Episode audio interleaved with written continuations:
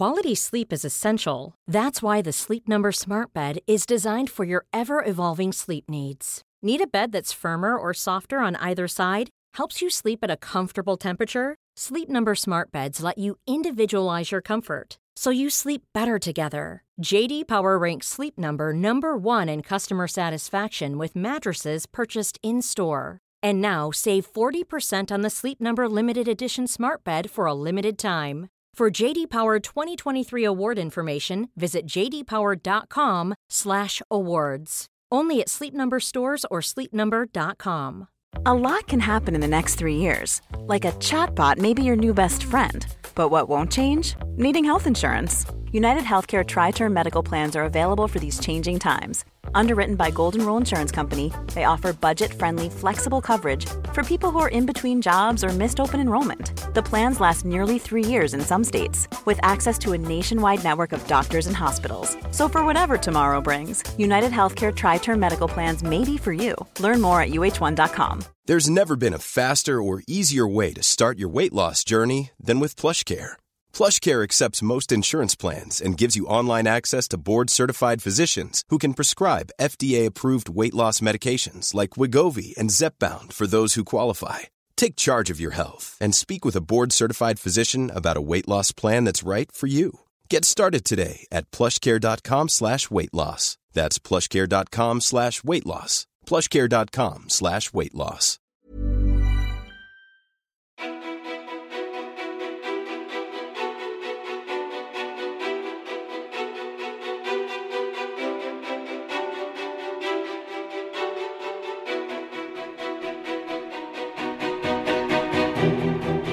Alexandra Järgren är träningsprofilen som driver populära Stockholm Bootcamp Factory och inspirerar nästan 40 000 följare på Instagram.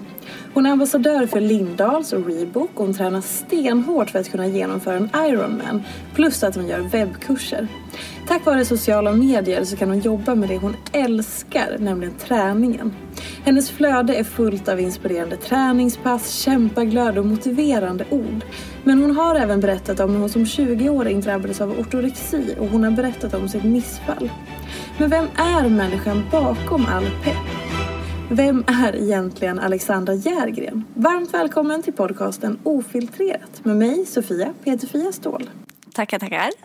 Det var en fin beskrivning. Tack. Ja men bara, bara så här. Eh, när jag scrollade ditt flöde nu ja. precis innan jag bara jag måste få in Alexandra i mitt system nu när vi ska träffas och vi ska sitta här tillsammans den här timmen. så bara, det är ju så mycket bra träningsinspiration. Tack. Och så mycket så här rörliga grejer och det är tydligt och så. så bara, fast vem är du då? Jag vet. Och så var jag så här, jag förstår ju att man följer för träningsinspirationen. Mm. Och så, ja, men du, skriver, du bjuder ändå på vissa delar. Så här, lite familjeliv, dina barn. Lite så här, ja, men någon tanke om att så här är det för mig. Så. Men ändå inte så mycket upptäckte jag nu när jag tog en sista kik. Mm. Jag har ju valt att vara lite privat mm. på Instagram. Eh, rent av, jag vet inte om det är rädsla.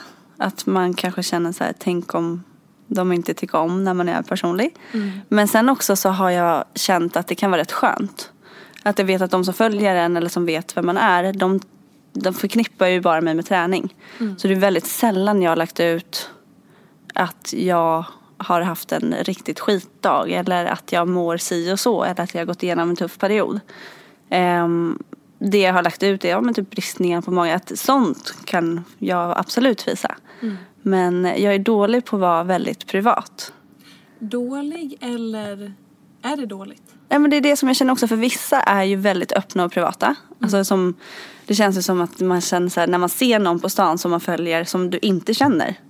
Så bara, hörde du vad de gjorde i helgen? Så kommer man på sig, men gud var, varför ska jag veta Ja. Två privatpersoner, men de är ju offentliga och de har ju valt att vara det. Mm. Så att på ett sätt tycker jag det är skönt att vara lite privat. Så som du sa att du har ju koll på att jag kan leverera lite träning. Mm, men egentligen, vem är jag som person? Mm.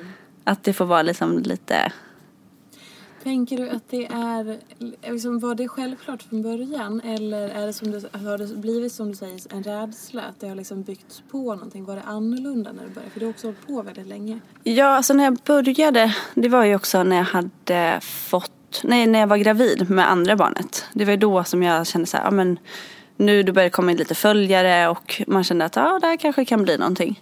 Och då var det ju bara träning jag la ut för då märkte man att det är ju det folk gillar och så kanske du också kände att man när man märkte att folk tyckte verkligen om det här då lägger man ju nästan bara ut det som man får väldigt fin respons på. Vilket gjorde att det blev bara träning och sen efter ett tag så kände jag Speciellt när jag hade fått båda barnen vill jag visa dem jättemycket. Eller vill jag visa vem jag är. Mitt eh, ex då, barnets pappa. Han ville inte heller vara så himla synlig och då hade jag respekt mot det. Då blev det också automatiskt att man kanske inte ville visa allt hemmet eller, eller att liksom, då höll jag liksom träningen för sig. Mitt privata är liksom mitt privata. Så då delar man inte med sig. Ditt ex sa du? Det har jag missat. Ja, alltså vi har ju separerat. Och det är också någonting som jag... Det syns inte. Nej. Nej. För jag, när du sa ditt ex så tänkte jag så här, jag bara, gud har jag gjort jättedålig research? Nej, det har det inte gjort. Du har inte Nej. berättat det innan? Ah, jag fattar. Så- Eller alltså det, nej alltså det är ett tag sedan men jag, eh, det är ju de som är, jag fick ju väldigt mycket frågor där när det hände. Eh, om vad, har det hänt någonting? Man märker att du är inte i ert hem. Folk la ju märke på att jag gjorde stories i någon annanstans, att det ser inte ut som där de är trots- vana att se mig. Förlåt att jag avbryter. Ja. Men så trots att du har valt att vara ändå privat och du har ändå valt att hålla mycket utanför så, och du inte berättade då om det här så märkte de ändå på liksom att du är på en annan plats. Ja. Det var också så här sjukt. Så bara, Åh, har du flyttat eller är det någonting som har hänt? För jag märker att man ser inte ja, exet då, barnets pappa. Eller att eh, så la de märke att jag hade en annan spegel eller att det var De såg att miljön, alltså hemma hos mig där jag bor nu, är ju inte där vi bodde. Just det. Så- Hur var det då? I början så kände jag så här, ska jag svara hur det är? Eller ska jag bara, alltså Ska jag bara skita i det? För egentligen så är det ju liksom, det är min privata och jag, jag har ju valt att inte vara privat. Eller att vara privat snarare sagt. Ehm, men vissa så kände jag så här, men det är klart jag svarar för att förr eller senare så kommer det liksom komma fram. Och det, det var ju ett val som var bra för oss men det gjorde ju också att, nej men just jag visste inte så här, hur, hur, hur säger man det? Ska jag bara lägga ut en bild? Och jag vet att till exempel ett kändispar som gjorde slut för ett tag sedan, de la ju ut så här, nu har vi separerat, nu har vi gjort slut. Men det kändes också så här, okej, synd för er. Jag visste inte hur, det kändes inte riktigt jag Nej. Att lägga ut något sånt. Så då har jag bara så här, de som frågar, de frågar och de kommer få ett svar. Om hur det är. Och hur, liksom, hur känner du nu om det har landat? För det här hände då i våras, eller hur? Nej, det var längre än så. Okej. Ja. Och då har du antar jag liksom landat lite i det. Så, Mm. Hur känns det då om, så här, om folk börjar fråga eller så här, åh men för folk kan ju bli väldigt hjälpta eller inspirerade. Jag ser Ja. upp till dig och kan inte du dela med dig för det kan hjälpa någon annan. Liksom, hur känner du för hela den biten? Absolut. Det kan jag känna att man vill ju. Mm. Eh, men nu har det ändå gått ett tag och så vet man inte så här. Ska man droppa det nu? Mm. Blir det så här, ja men det kände vi redan på oss. Att, så jag vet inte riktigt. Och sen ni som, de som lyssnar på det här kommer ju få veta, aha, då vet vi. Mm. eh, men eh, ja, svår fråga. Alltså självklart, man vill ju hjälpa. Är det någon som är i samma situation eller typ mår dåligt och, eh, och i, en separation så vill man ju jättegärna komma med tips och råd på hur man mår bra. Mm. Så att inte man grottar ner sig, för det är nog det vanligaste tror jag. Hur, Att man liksom stänger in känslorna. ja. Ja. Och jag kan tänka mig att så här, det är något av det mest fruktansvärda man kan gå igenom Ja. när man har barn tillsammans. Ja, det är, det är riktigt tufft med barn och det är Ja. därför också vi har dragit ut på det. För att vi har också känt att vi har två barn, man vill leva i det här idylliska familjelivet. Ehm, och för barnens skull. Men sen så i slutändan så märker man också att om vi är ett par och så har vi barn ihop och så känner man att vi är inte vårt bästa jag när vi är med varandra. Det kommer påverka våra barn. Såklart. Då är det liksom, och barnen, jag är själv skils, skilsmässobarn. Och då vet man ju att jag är ju glad att mina föräldrar separerar. När Alltså- kom du till den insikten? Vilken ålder separerade dina föräldrar? De separerade ju när jag var fy, nej, tre. Så att jag var ju väldigt liten. Jag kommer knappt ihåg det. Jag kommer ihåg lite. Men när jag tittar tillbaka på hur, hur det har varit. Så är jag såhär, ja men det är bra. Alltså, de, Kände du alltid så? Eh, ja, alltså just att man var så liten så fick man aldrig känna det här mamma, pappa, barn, familjen. Att man fick känna på det livet. Men eh, jag har inte så jättebra kontakt med min pappa idag. Vilket gör ju också att man har lite förståelse. Eh, men min pappa är ju också världens snällaste. Det tycker jag verkligen. Så att det är synd att jag inte har bättre kontakt med pappa. Vad beror det på? Då? Tuff fråga. Eh, men det är ju ofiltrerat. eh, det beror nog på att eh, jag har verkligen försökt. Jag har försökt att få kontakt med min pappa. Eh, och jag vet inte om det är osäkerhet som, strå, som är liksom att han har känt att han har missat så mycket. Att det är för sent. Men också att, nej men jag vet inte. Som jag brukar säga, vissa får barn och inte tar sitt ansvar. Men han är som de som har träffat honom som säger också han är världens finaste människa. Men bara att han, jag tror att han är väldigt rädd för att kanske tappa oss igen. Att han liksom miste sina barn en gång till. Just det.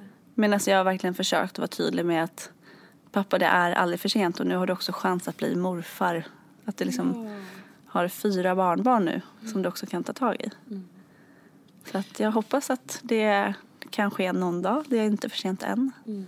Nej, verkligen. Så vi får se. Men hur var det för dig då? Som, för jag har uppfattat det som att så här, har man skilda föräldrar så kan man bli antingen då att man säger, gör allt för att hålla ihop sin, sin egen relation om man har en sån och speciellt om det är barn med då. För att man så, I och med att man är skilsmässobarn själv så vill man absolut inte skilja sig.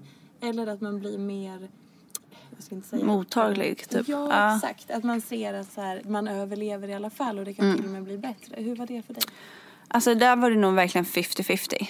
Alltså mycket att just också att det kanske när vi separerade att jag kände liksom att det var lite som ett misslyckande. Att man kände att aha, hur kommer folk se på mig nu? Är inte det jättevanligt? Jo, och jag kommer ihåg också jag såg en intervju med Pernilla Wahl... Mm. Wahlgren. jag var Wahlberg. Wahlgren. Eh, för länge sedan. Och jag kommer ihåg det satt i huvudet den kommentaren. Att det var så många som skrev till henne när hon separerade från Theos pappa. Eh, att hon var misslyckad, att hon hade splittat ännu en familj. Och då blev man så här, ja fast det är ju inte rätt av någon att säga att man är misslyckad. Och jag kände så här, men gud hur kan hon känna så? Är man inte lycklig i ett förhållande, separera. Alltså gör, livet är för kort för att må dåligt. Eh, och sen när man själv skulle vara där i den situationen så känner man, hur kommer folk se på mig nu? Vad har du fått för respons på det då? Från de som vet eller är? Eller? Från de som vet, de är ju bara så här, är det liksom rätt val så är det rätt val. Det är inget mer än så. Så att jag har ju inte fått något negativt. Däremot har man ju fått höra väldigt mycket, ja men det är ju tufft i småbarnsåren. Just det. Att det är väldigt många som ska försöka lösa ens separation av Har att ni, har ni vi inte behöver- ja, har ni exakt. gått i terapi? Har ni gjort det har ni gjort det? Har ni åkt på romantisk weekend? Har ni, eh, nej men det är så mycket att folk tror ju att det är liksom bara för att man har skaffat barn och det handlar inte om det. Eh, vi hade det jättebra på det viset med barnen och allting. Så att det, det handlar om olika andra saker som jag faktiskt inte kommer ta upp för det, det har respekt mot honom. Ja. Men det jag tänker, alltså det är så mycket... Det är därför jag gillar, eller gillar, jag älskar ju att ha det här formatet på podden. För att man kan prata om sådana här saker som ofta är så tabubelagda eller att man inser Eh, som jag spelade in ett annat avsnitt med Seinas Kitchen som är en jättestor matprofil. Ja. Och vi började komma in på det här med respekt eh, och började prata om det. Och då så här, från det lilla till det stora i hur vi kan vårt samhälle lider av bristande respekt idag Ja. i massa olika saker. Allt ifrån hur folk beter sig på cykelbanan till all rasism som pågår i samhället, vet, stort som litet. Ja. Ehm, och likadant i det här som en separation. Att det, är också, det är så här, jag, för jag vet, det var någon nära mig en gång som sa att så här, ja men folk skiljer sig så lätt. Bara, Och den personen själv gjort det fast för hundra år sedan. Ja.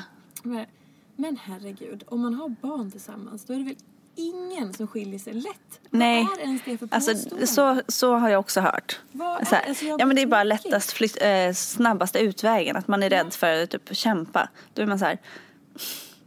Mm, för, för det första, ni ser ju bara utifrån.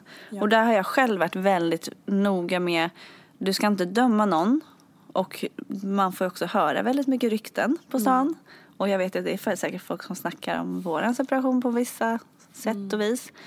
Men man ska ju aldrig lyssna förrän man vet vad som har hänt eller vad som har skett i en relation.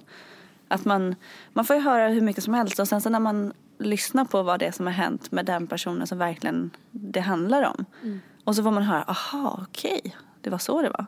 Har du fått höra att- att... någon har sagt någonting eller skvallrat om er? Nej, alltså man får höra att folk snackar men ehm, inte elaka saker. Så att det är positivt. Men man får ju höra om andra och då är jag väldigt noga med att lägg dig inte i någon annans förhållande eller att säga ah, de kämpar inte. Fast du har ju ingen aning om vad de har gjort bakom stängda dörrar. De kanske har kämpat arslet av sig. Exakt. Även fast det kanske ser väldigt lätt ut utifrån. Att de bara okej tack, tack för den här tiden. Gud, ja. Så att det, ja, jag tycker man ska vara försiktig med att döma. Och sen också, som du sa, visa respekt. För man har ingen aning. Nej. Men, och då så här, från när ni gick igenom det här Mm. och beslutet togs. Du sa så här, om så här, prata om att så här, ge, ge andra tips eller kunna hjälpa andra så Ja. att man inte gräver ner sig. Så här, hur var perioden precis efter för dig? Alltså väldigt tuff. Eh, även fast det var mycket, alltså även fast jag också ville det. Eh, så är det ju tufft. Alltså du, vi har varit tillsammans i sex, sju år. Varit bästa vänner. Vi har fått två barn ihop och sen visste man okej. det som var det jobbigaste var ju att nu när vi separerar är ju att jag kommer inte ha barnen på heltid. Det var ju nästan det som fick mig att bryta ihop som mest. Att mina barn är mitt allt. Hur ska jag klara mig? Och så frågar man massa som har separerat. Hur får man alltså. Hur kommer jag klara det här utan att gå in i väggen? Eller vara förstörd konstant? Och då sa de ju det. De dagarna du inte har barnen. Jag som egenföretagare. Passa på att jobba. De dagarna du har barnen. Då ser du till att lägga fokus på barnen. Och det har ju funkat jättebra. Och sen också mitt tips till alla som separerar. Som har barn sluta skapa en, ett dåligt samvete hos dig själv. Att du inte finns där. Just, alltså att man tänker att man överger eller? Ja, att det är så här, okej nu kommer jag ha barnen 50-50. Jag kommer missa halva deras liv. Den, hemskt. den, den tanken slog mig. Jag bara, okej, har jag barnen varannan vecka säger vi. Nu har vi ett annat schema. Men har vi dem varannan vecka då är det halva tiden under en månad jag inte är med barnen. Slår man ut en livstid, ja men det är halva livet jag har missat. Det är väldigt hårt. Det, Alltså, det ja, det, alltså, det tog mig så sjukt och jag bara, alltså jag fick ju panikångest av tanken. Så bara, nej, jag är en så dålig mamma som kommer missa halva mina barns liv. Sen så bara, nej, den tiden jag är med dem kommer jag också vara 110% fokuserad. Jag har tid att göra det som jag inte hade tid med när jag hade barn. Passa på att göra saker när du inte har barnen. Gå ut och ät med dina tjejkompisar som du kanske inte har gjort innan för du har varit för trött för du har barnen varje dag. Jobba lite mer, sätt dig och läs en bok. När får man göra det när man är Och mamma? man kanske inte är så... Den tiden... Jag vet inte vem det var, men det var någon som pratade i samma termer som sa Ja. att så här, med den tiden som du eh, då inte har... Alltså om man, om man har barnen på heltid och Mm. det vanliga livet tillsammans då är man ju ändå inte närvarande och gör Exakt. saker. För då är det lite man tar för givet. Att man, de sitter bredvid, man Ja. sitter och scrollar i telefonen. Och jag var ju också så här, jag är ju jätteengagerad i mitt jobb. Det är ju också så här, det är min tredje bebis liksom. Så då, så fort jag fick tillfället när pappa, barnens pappa kom hem. Okej nu har han kommit hem, nu sätter jag mig vid datan för nu har ju de andra, alltså en annan vuxen uppmärksamhet. Då sätter jag mig och svarar på mejl, fixar det som jag inte hinner annars. Eller så var det ju när barnen har gått och lagt sig, då smällde upp datan. Att det var ju liksom konstant försökte jobba. Så att jag tycker nästan att jag har blivit en bättre förälder sen vi separerade för att nu när jag är med barnen då är jag med barnen. Jag, jag svarar inte på ett enda mejl när jag är med barnen. Jag har till och med ett autosvar nu på min mejl att jag kommer inte svara på tre dagar. Så att jag läser mejlen var tredje dag. Klokt. Det är väl eh, någonting de flesta borde kanske ta oavsett Ja, oavsett. Och sen också så vet jag att vissa som har så här telefonregler hemma. Mm. Att efter klockan sju, eller när jag ska säga klockan fem. Mm. Mellan fem och sju, titta inte på telefonen. Om inte du kanske jobbar med jour. Mm. eller något, att det måste vara. Men att eh, då tycker jag verkligen att alltså, ha strikta och lägg fokus på barnen. Mm. Som min styvpappa och mamma sa, som har jobbat jättehårt med uppväxt med barn och de säger så här, den tiden som du har nu med barnen kommer du aldrig få tillbaka. Så ta vara på den här tiden nu. Skippa jobbet när du är med dem. Och det är verkligen någonting som jag har tagit åt mig. Sen vi Det är separerade. så lätt att glömma. Eller ta Ja. dem för givet. Eller också tro, jag har ju bara ett barn, men, Ja. men att känna, eh, alltså det är så svårt att förstå att hon ska bli större. Alltså var, I varje stund som är så, så är det som att nej, men det här, så här kommer det alltid vara. Men Sen hur gammal är hon nu? Hon är lite mer, än- hon är, blir två i oktober. Ja. Jag har slutat räkna månader. 25 månader. ja, exakt. Men två i oktober. Ja, och sen så blir det också så när de är så små så tänker man, äh, det här kommer inte de komma ihåg. Mm. De kommer inte lida av att inte jag läste en bok. Jo, alltså jag tror ju också att barn som får väldigt mycket kramar och kärlek hemma Mm. blir ju trygga barn. Verkligen. Och det visar sig väldigt tydligt tror jag. Mm. Och trygga människor i Ja, slutändan. exakt. Gud, det är så mysigt. Ja. Men jag tänker så här då, vad är... Vad har, är den största lärdomen av det du precis har gått igenom då med separationen och allt det här? Jag tänker mig att det blir en ganska kraftig personlig utveckling på något vis. Det blev det enormt. Eller? Ja. Ja, enormt. Ja. Um, alltså jag har nog gjort en ganska stor personlig utveckling, alltså en stor resa sen, ja, sen vi blev ihop. Alltså jag har ju alltid varit väldigt framåt, social och öppen. Men eh, jag har varit väldigt försiktig. Varit väldigt blyg. Eh, det är kanske inte många som tror det idag. När man är väldigt, eh, vad ska man säga, energisk och pratar inför folk och har inga problem om det sitter hundra personer framför mig eller om det sitter två personer framför mig. Innan så kunde jag inte sitta och prata för fem personer. Då blev jag knallröd i ansiktet eller tyckte det var jättejobbigt. Och jag hade väldigt svårt för att säga nej. Så jag var ju, försökte vara alla till lags. Så den utvecklingen har ju blivit väldigt stark.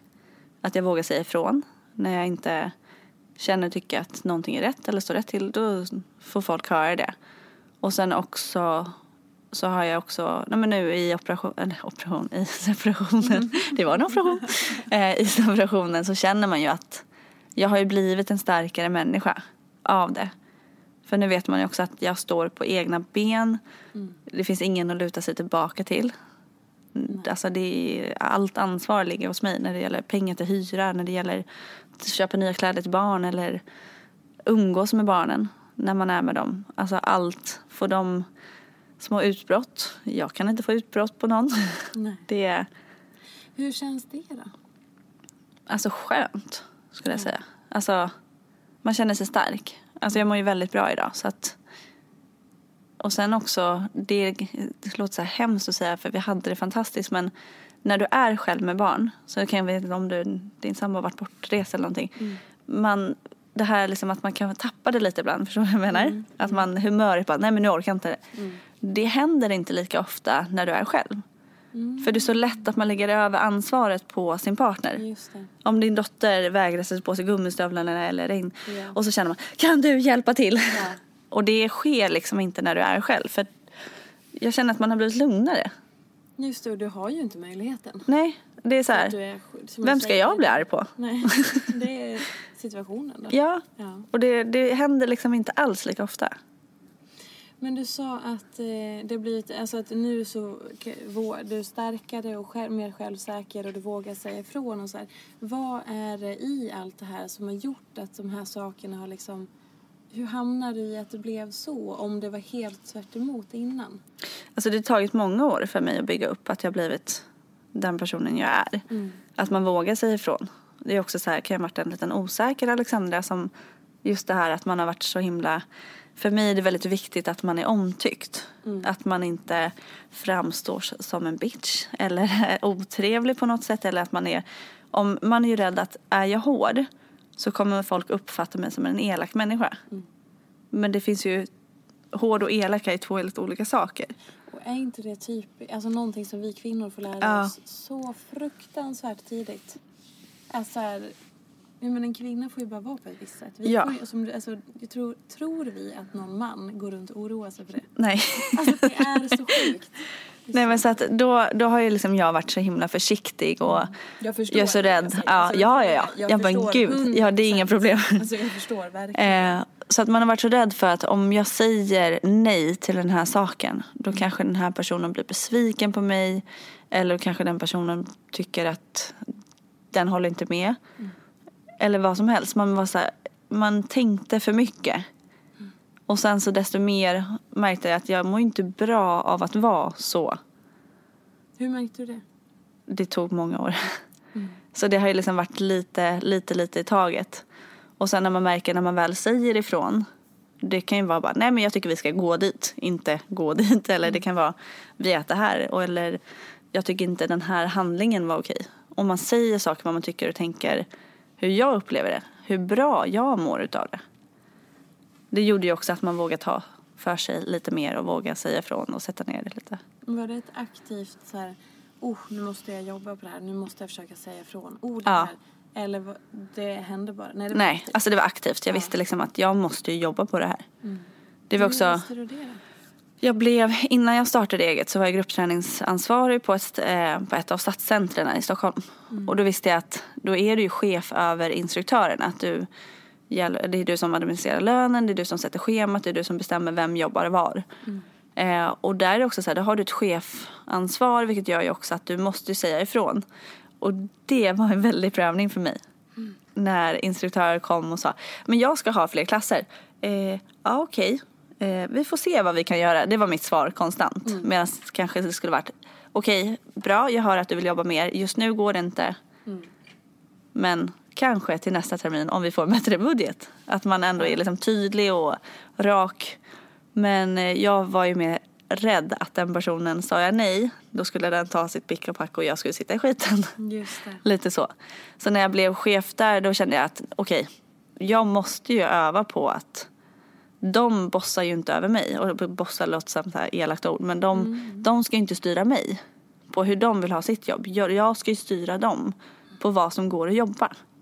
Det är jag som ska fördela jobbet hos dem, inte tvärtom. De ska inte säga åt mig hur jag ska göra.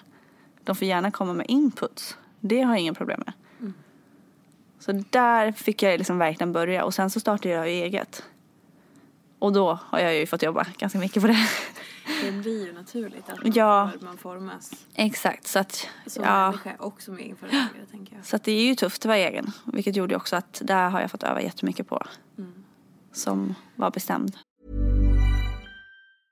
When you're ready to pop the question, the last thing you want to do is second guess the ring. At Bluenile.com, you can design a one of a kind ring with the ease and convenience of shopping online. Choose your diamond and setting. When you find the one, you'll get it delivered right to your door. Go to Bluenile.com and use promo code LISTEN to get $50 off your purchase of $500 or more. That's code LISTEN at Bluenile.com for $50 off your purchase. Bluenile.com code LISTEN. Hey, I'm Ryan Reynolds. Recently, I asked Mint Mobile's legal team if big wireless companies are allowed to raise prices due to inflation. They said yes. And then when I asked if raising prices technically violates those onerous two year contracts, they said, What the f are you talking about, you insane Hollywood ass? F- So to recap, we're cutting the price of Mint Unlimited from $30 a month to just $15 a month. Give it a try at mintmobile.com slash switch. $45 upfront for three months plus taxes and fees. Promo rate for new customers for limited time. Unlimited more than 40 gigabytes per month. Slows. Full terms at mintmobile.com. Hey, it's Paige DeSorbo from Giggly Squad. High quality fashion without the price tag. Say hello to Quince. I'm snagging high-end essentials like cozy cashmere sweaters, sleek leather jackets, fine jewelry, and so much more. With Quince being 50 to 80% less than similar brands. And they partner with factories that prioritize safe, ethical, and responsible manufacturing. I love that. Luxury quality within reach. Go to quince.com slash style to get free shipping and 365 day returns on your next order. Quince.com slash style. Normally, being a little extra can be a bit much, But when it comes to healthcare, it pays to be extra. And United Healthcare makes it easy with Health Protector Guard fixed indemnity insurance plans. Underwritten by Golden Rule Insurance Company, they supplement your primary plan, helping you manage out of pocket costs without the usual requirements and restrictions like deductibles and enrollment periods. So when it comes to covering your medical bills, you can feel good about being a little extra. Visit uh1.com to find the Health Protector Guard plan for you. Du, om vi går tillbaka lite till, så här, du sa att dina föräldrar gick ju isär väldigt Mm. tidigt och lite om relationen med din pappa och sådär. Men vem var du, du sa också det här lilla Alexandra och så, men vem var du som, som yngre, som ung? Som barn var jag en väldigt så här, vad säger man, klassens clown. En riktig pajas. Sen pajas låter så hårt.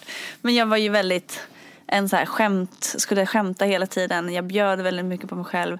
Om man Varför kollar det? på, jag vet, jag alltid, jag vet faktiskt inte. Jag har alltid varit, om man kollar på så här gamla filmer på mig och min syster när vi var i Teneriffa.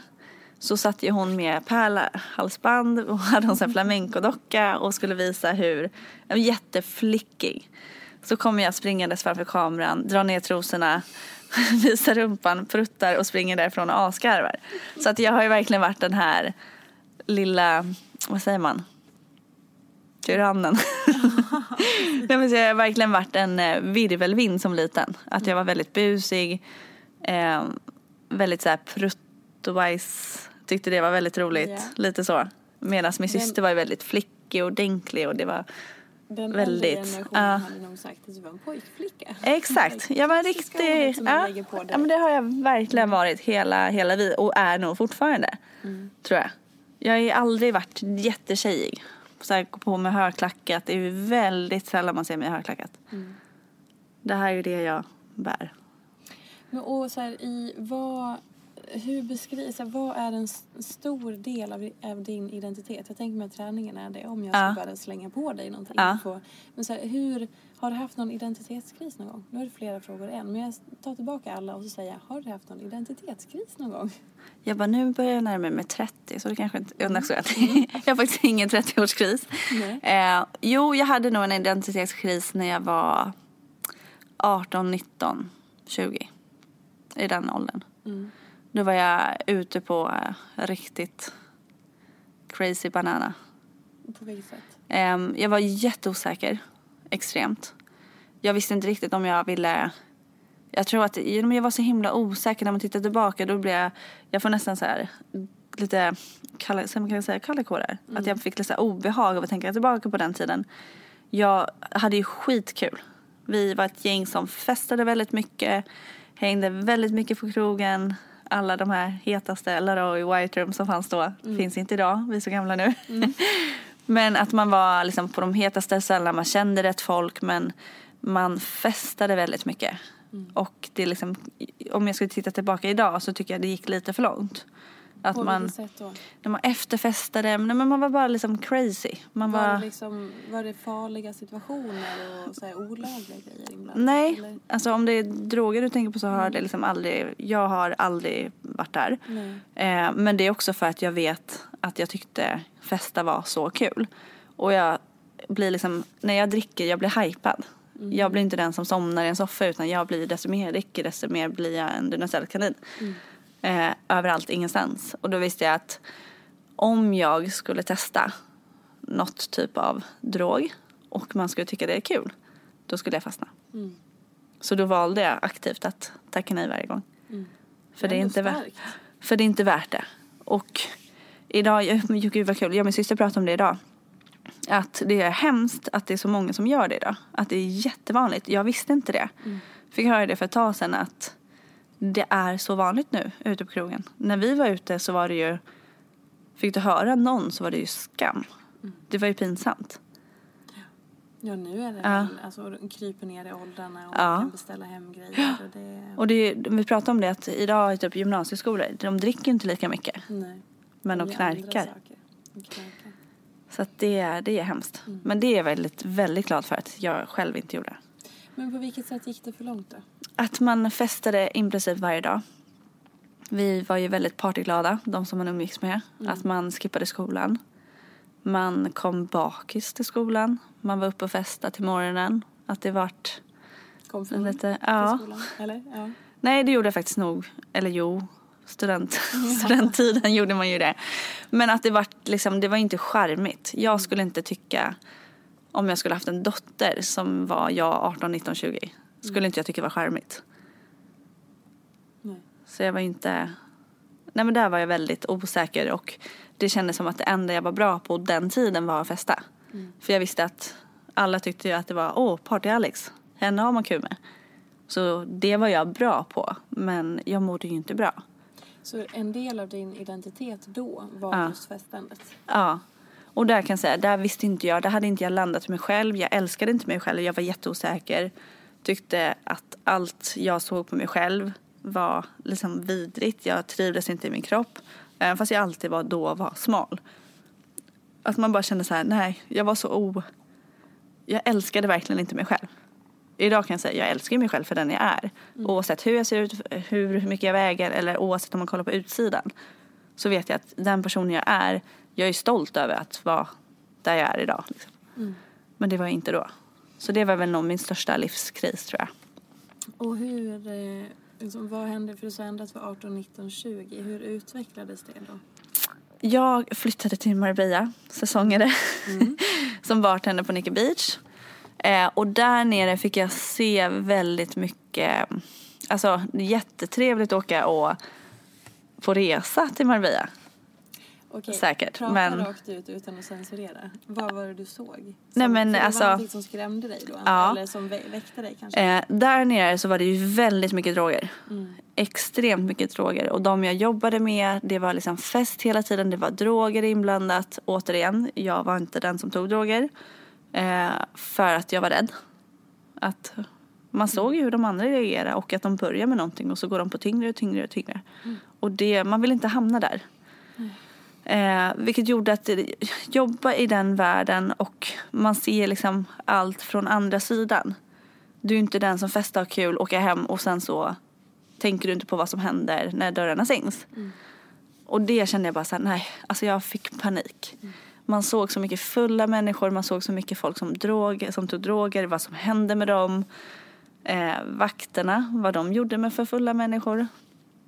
Slängde ut dem, ibland så slog de dem. Att det vart liksom, det var bara, det kändes som att du var liksom inkastad i en film.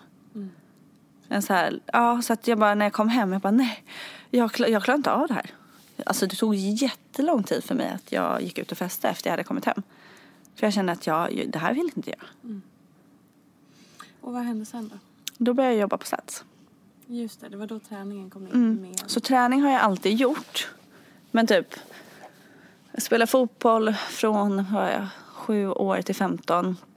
Sen så gymmade jag lite och sen 17, 18, 19 där så gjorde jag ingenting. Sen så tränade jag igen på gym och sen så började jag jobba på Sats.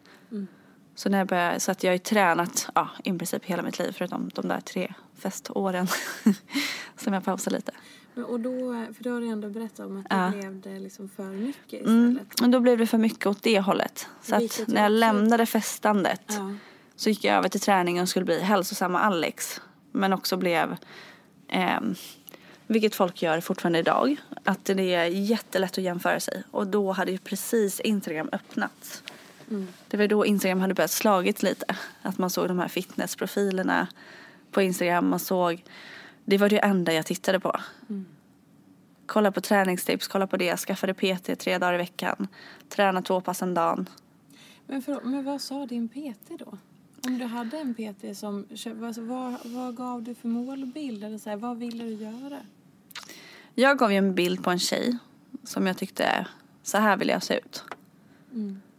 Och han är ju fantastisk på alla sätt och vis. Jag känner honom fortfarande idag.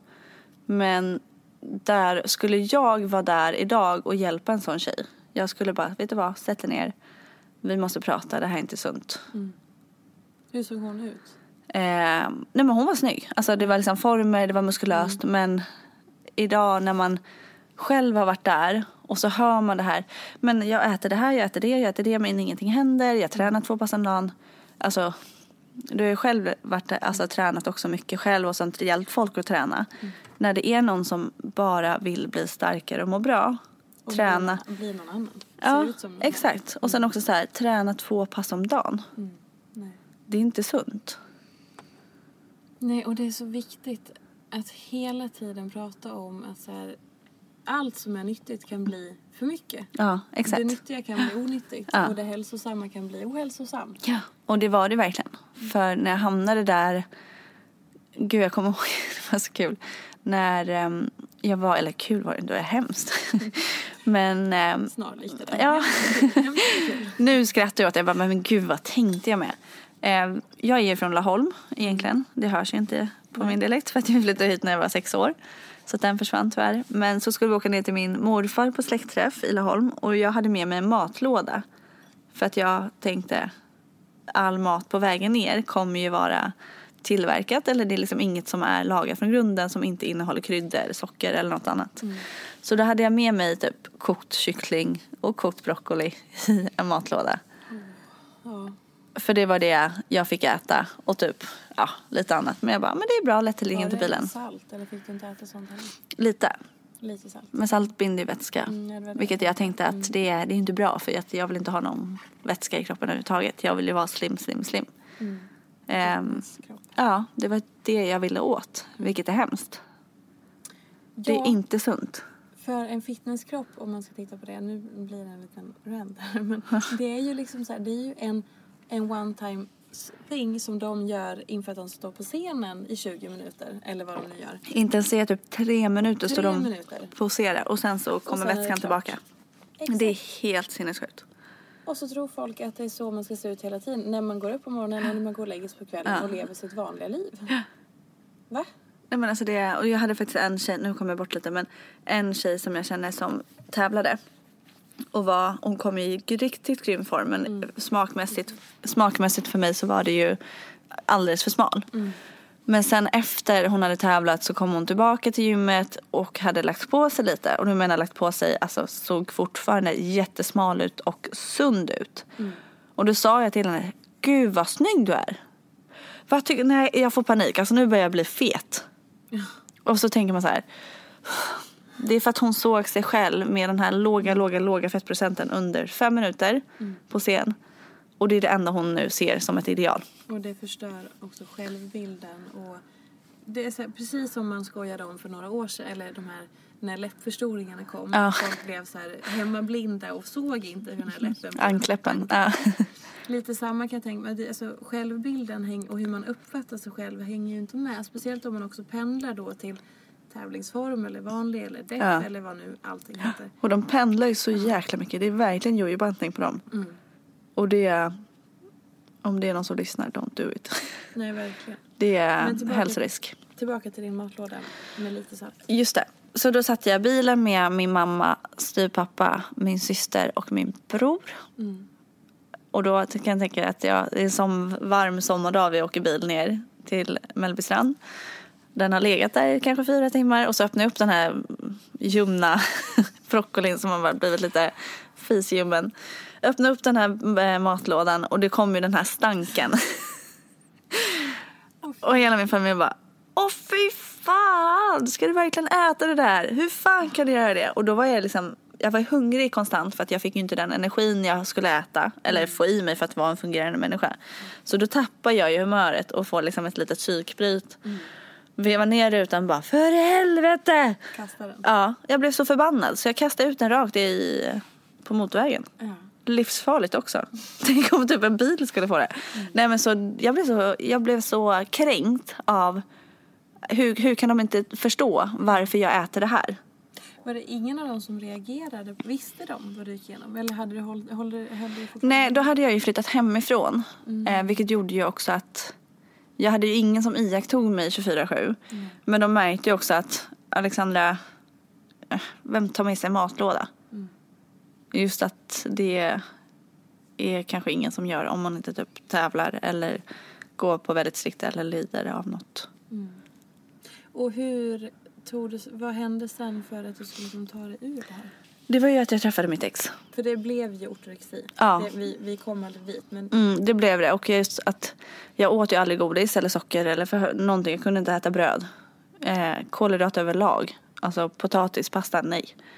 Ingenting slank ner. Det var bara broccoli, kyckling, keso på sin höjd. Det var ju väldigt lite näring. Alltså jag kanske åt tusen kalorier max om dagen. Drack de här varma koppensopporna. För att det var så lite kalorier. Så det var det enda jag gjorde var ju bara vända, okej, Nocco, nu står den framför mig, men att man kollar kaloriintaget. Inte vad är det i. Nu jagar jag ju mer näring. Jag skiter om jag äter 5000 kalorier på en dag. Så länge jag vet att jag får i mig det vitaminer, mineraler min kropp behöver för att jag ska orka gå, eller orka gå till mina träningspass idag. Finns det, finns det någonting av det här som ändå bor kvar i dig? Alltså Nej. några demoner som spökar ibland? Idag är det faktiskt helt, helt väck. Hur hamnar man där då? Hur kommer, hur kommer man dit? Alltså när jag, eh, när jag började träffa mitt ex eh, så var jag ju där och han såg ju det här och han jobbade själv inom träning. Eh, så vår första dejt så var vi på en restaurang, en grekrestaurang och jag är ju jättesvag för bröd. Så då kommer de in så här nybakat grekiskt bröd men det var helt gudomligt. Och jag känner ju doften och bara gud vad gott jag vill men jag kan inte. och så, äh, när jag bara nej men jag vill inte ha. Ja. Eh, så han bara, jo men det är väl klart du ska ta en brödskiva, det är inte farligt. Nej men jag vill inte. Och han vill beställa ett glas vin. Jag var blankt nej, alkohol, nej. För mycket kalorier. Och sen så började vi liksom dejta mer och mer. Och så fick han ju mig också att inse att han verkligen tyckte om mig. Inte för att jag är smal utan han tycker om Alexandra på insidan. Och han var ganska tydlig med att säga sånt också vilket gjorde att jag vågade kanske ta en bulle. Jag vågade. Så det liksom smög in det lite sakta men säkert. Eh, vilket gjorde också efter ett tag att jag märkte att jag fick inte sämre resultat. Men det handlade ju inte om vad jag åt. Det handlade om hur jag mådde som person. Jag slutade stressa. Jag slutade bry mig om vikten. Jag liksom tränade för att må bra och det var då jag fick resultaten som jag aldrig fick när jag kämpade som mest. Och levde i den här sjukdomen. Och hur lång tid tog det från att du började vända till att du kände att nu, nu är jag fri? Kanske ett och ett halvt år. Det är ändå snabbt. Ja, så jag tyckte, jag tror att jag landade väldigt bra med tanke på att jag fick så himla fint stöd från honom. Att jag kände liksom att jag kände mig älskad. Att man kände liksom, jag tror inte jag skulle kommit dit så snabbt om inte jag hade en partner. Om jag skulle ha gjort vägen själv. Vilket gjorde också att, nej men också när man börjar jobba så mycket med träning också själv, vilket jag gjorde då också. Att man börjar inse hur kroppen fungerar, vad den behöver. Gick alla de här PT-utbildningarna, läste på jättemycket själv om kost. Hur reagerar kroppen? Okej, det är inte sunt. Träna två timmar om dagen och ligga på ett intag på tusen kalorier. Nej. Så har jag sett tvärtom. Så att eh, det var ju nog också att jag pluggade så mycket med träning. Och sen också att jag hade en partner som visade att han stod där vid min sida och att han fanns där för mig.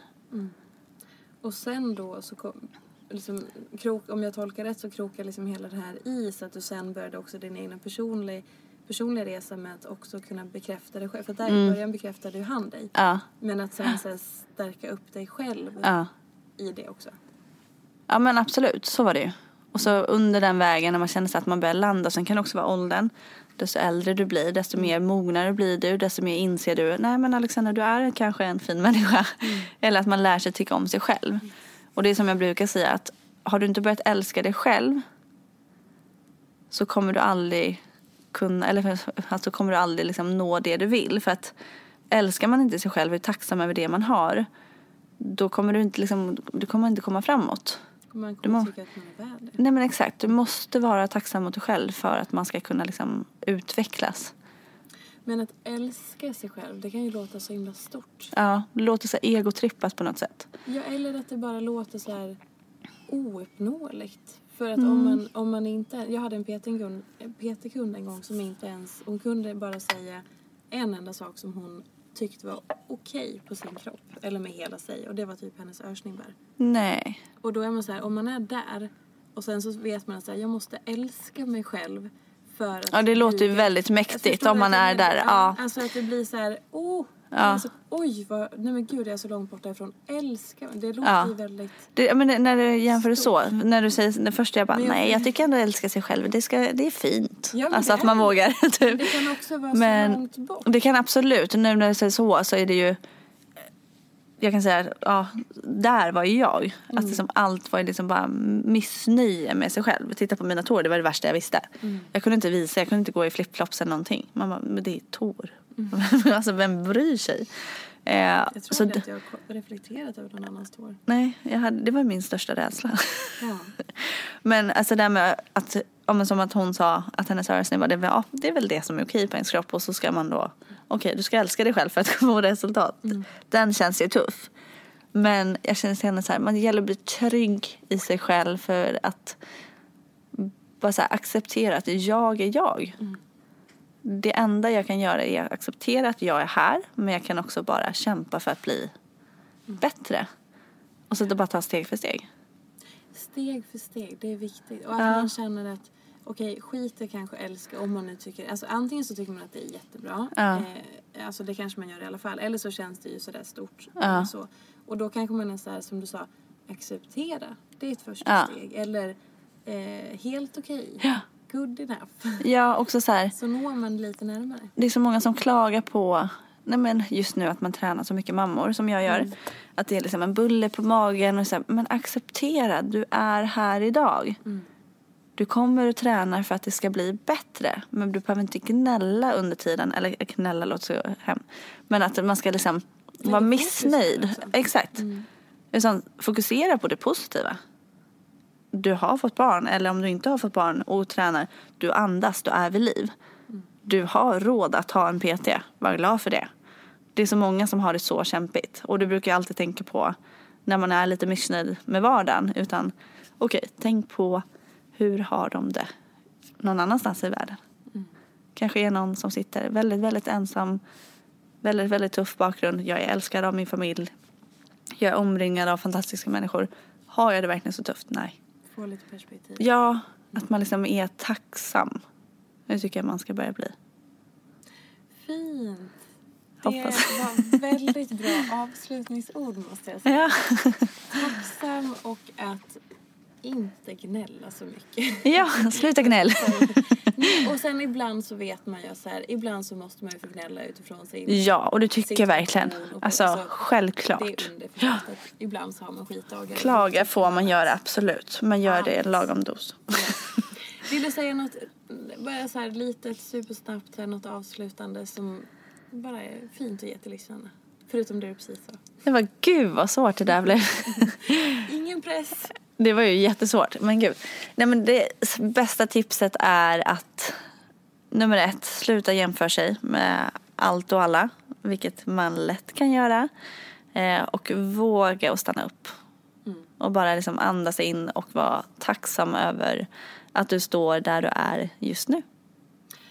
Fantastiskt. Tack så jättemycket. Tack själv. Och följa Alexandra i sociala medier. Och om ni är i Stockholm, kör Stockholm Bootcamp Factory. Ja, kom och träna hos oss. Ja, verkligen. Puss och kram. Puss och Vi kram. ses på stan. Nu dammade jag av den gamla bra. Hej. Följ mig gärna i sociala medier. Jag heter Peterfia på Instagram och bloggar på peterfia.se. Vill du komma i kontakt med mig så gör du det på info.peterfia.se.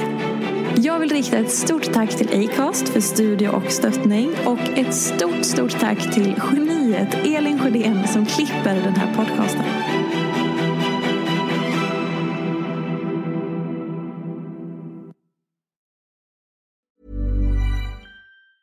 A lot can happen in three years, like a chatbot may be your new best friend. But what won't change? Needing health insurance. United Healthcare Tri Term Medical Plans, underwritten by Golden Rule Insurance Company, offer flexible, budget friendly coverage that lasts nearly three years in some states. Learn more at uh1.com.